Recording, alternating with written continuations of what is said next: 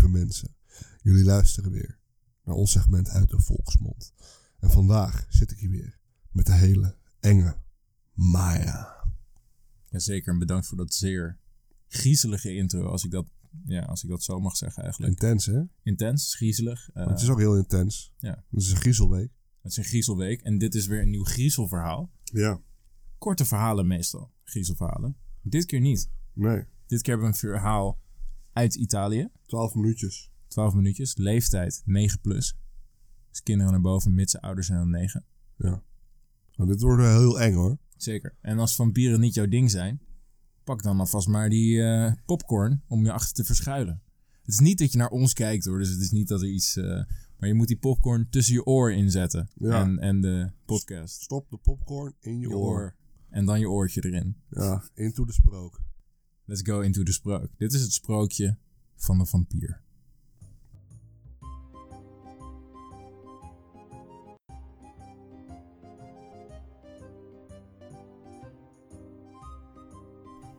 Er was eens een visser die hard moest werken voor de kost. Op een goede dag zat het hem mee en ving hij een reusachtige vis in zijn net.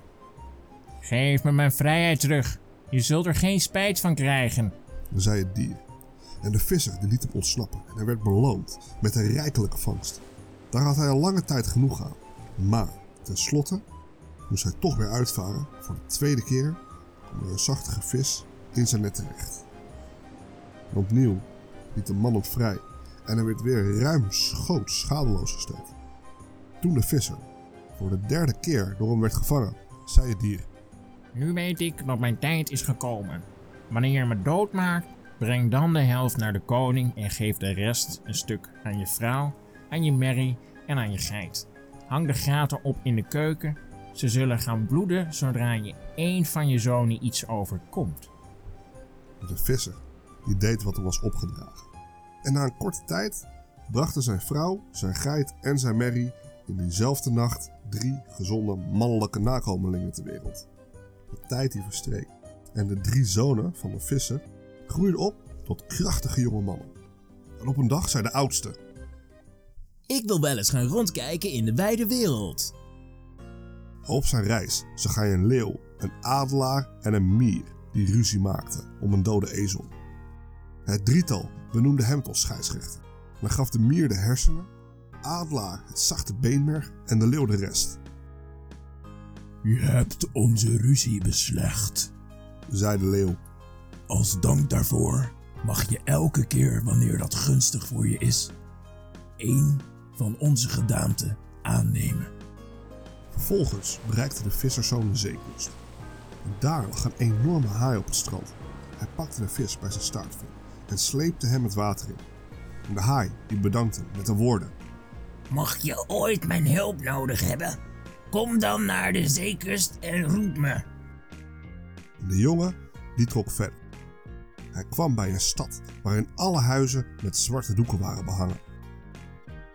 Op zijn vragen antwoordden de mensen: Weet je dan niet dat wij eenmaal per jaar een jonge maagd aan het wolkenmonster moeten offeren?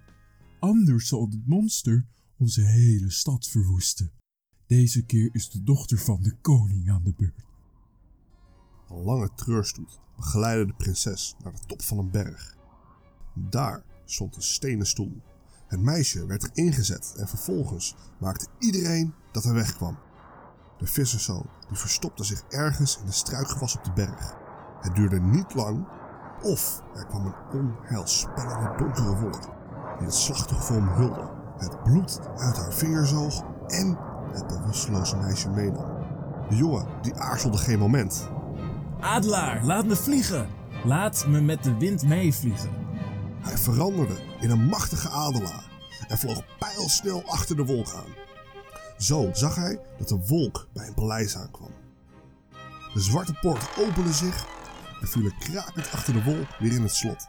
De adelaar die streek neer op een hoge boom. Vandaar kon hij in een ruim vertrek kijken, waar vele meisjes in een lange rij bedden lagen. Ze zagen er heel zwak en krachteloos uit, want hun bloed diende het monster als voedsel. Onder hen bevond zich ook de prinses. De visserszoon besloot de arme meisjes te helpen. Maak van mij een mier. Zo'n klein en fijn dier. Dan kan ik door deze deur hier. En direct veranderde hij in het kleine insect, dat onopgemerkt onder alle deuren doorkom tot in de zaal met alle bedden. Daar nam hij zijn menselijke gedaante even aan, Blijf rustig en laat niks merken. zei hij al kalmerend tegen de geschrokken meisjes. Ik kom jullie bevrijden, maar jullie moeten eerst uitzoeken op welke manier ik jullie kwelgeest kan doden. Daarop werd hij snel weer een onopvallende mier en hij wachtte af. Ineens ging de deur open en de wolk kwam in de gedaante van een boze vee binnen. Nadat ze zich te goed had gedaan aan het bloed van haar gevangenen, begonnen de meisjes zich allemaal vragen te stellen. Ach, meesteres, wij zijn zo klein en zwak. Wat moet er van ons worden als u ooit iets overkomt? Wat zou mij kunnen overkomen?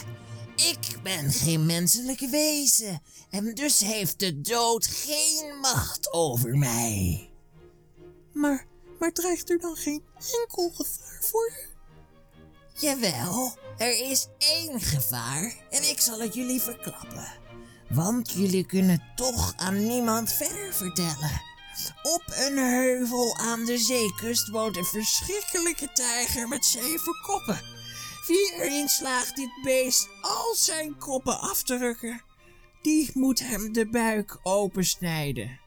Daar zal je een ei aantreffen. Breng je dit ei hier en sla je me ermee tegen mijn voorhoofd, dan zal ik sterven. Geef je me het ei echter in mijn hand, dan wordt de tijger weer tot leven gewekt en overkomt mij helemaal niets.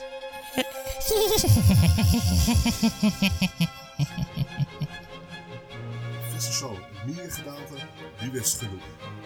Hij krabbelde het kasteel uit en hij deed zijn wens. Een leeuw wil ik zijn, met een kracht groter dan de boze tijgermacht.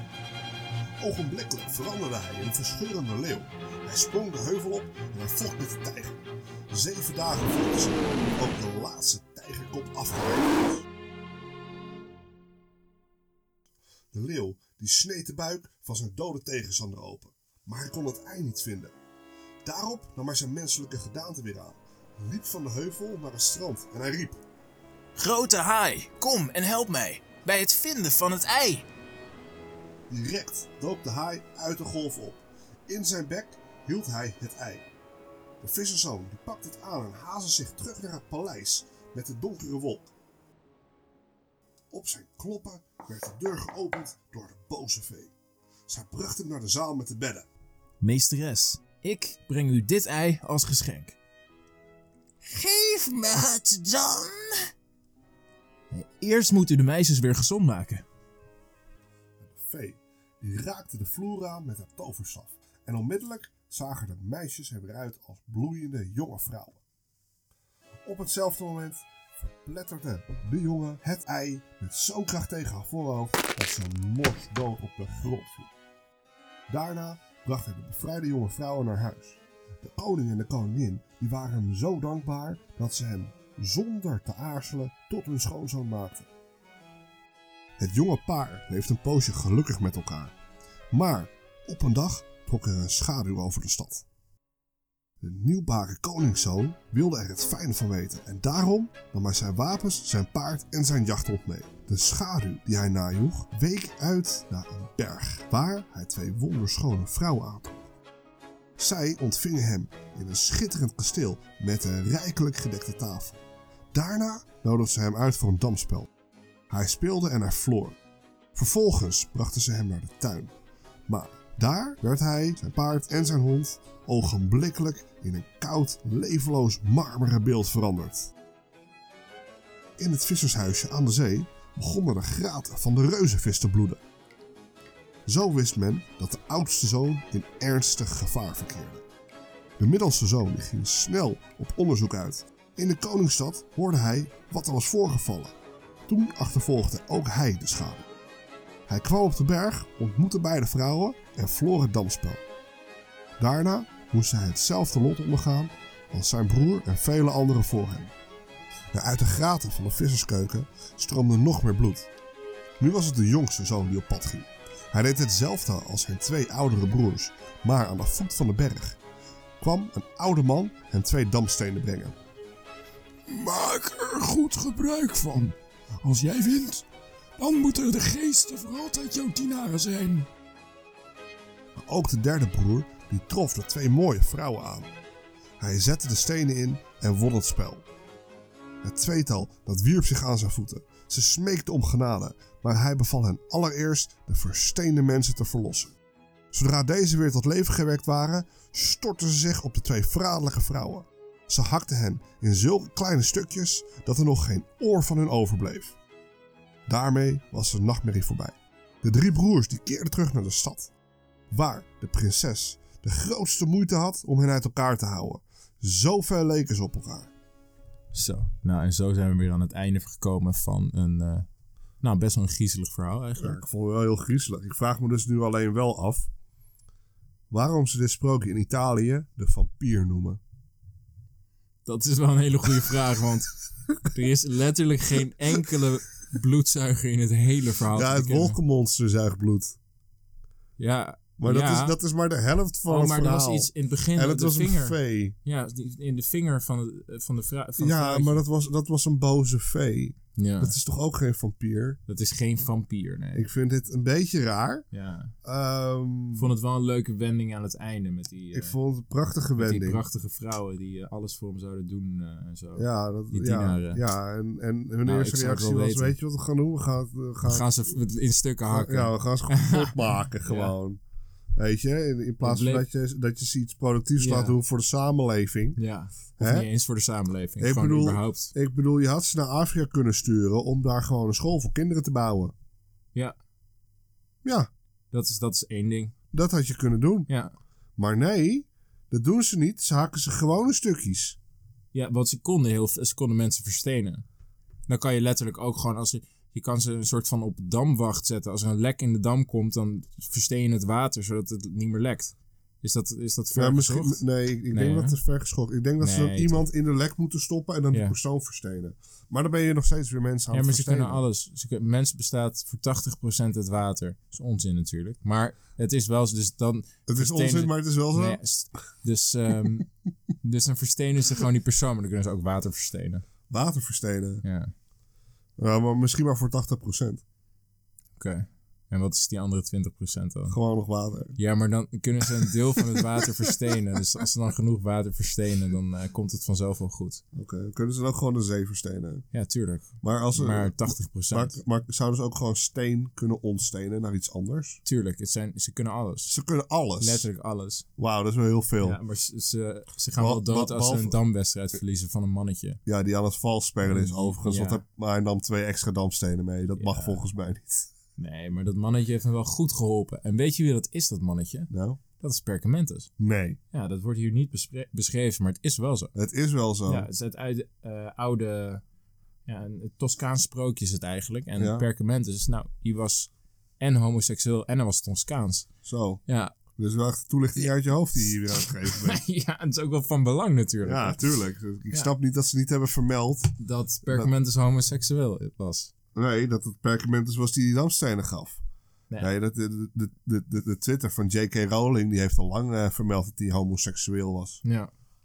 Maar dat kan ook een eh, JK zijn, hè, natuurlijk. Oh ja. ja, dit was weer een griezelsprookje. Ja, Ja, hartstikke bedankt. bedankt voor het Ja. luisteren. Tot, Eh, eh, tot, tot, ja, tot, ja, tot de volgende griezels. ja. Oeh.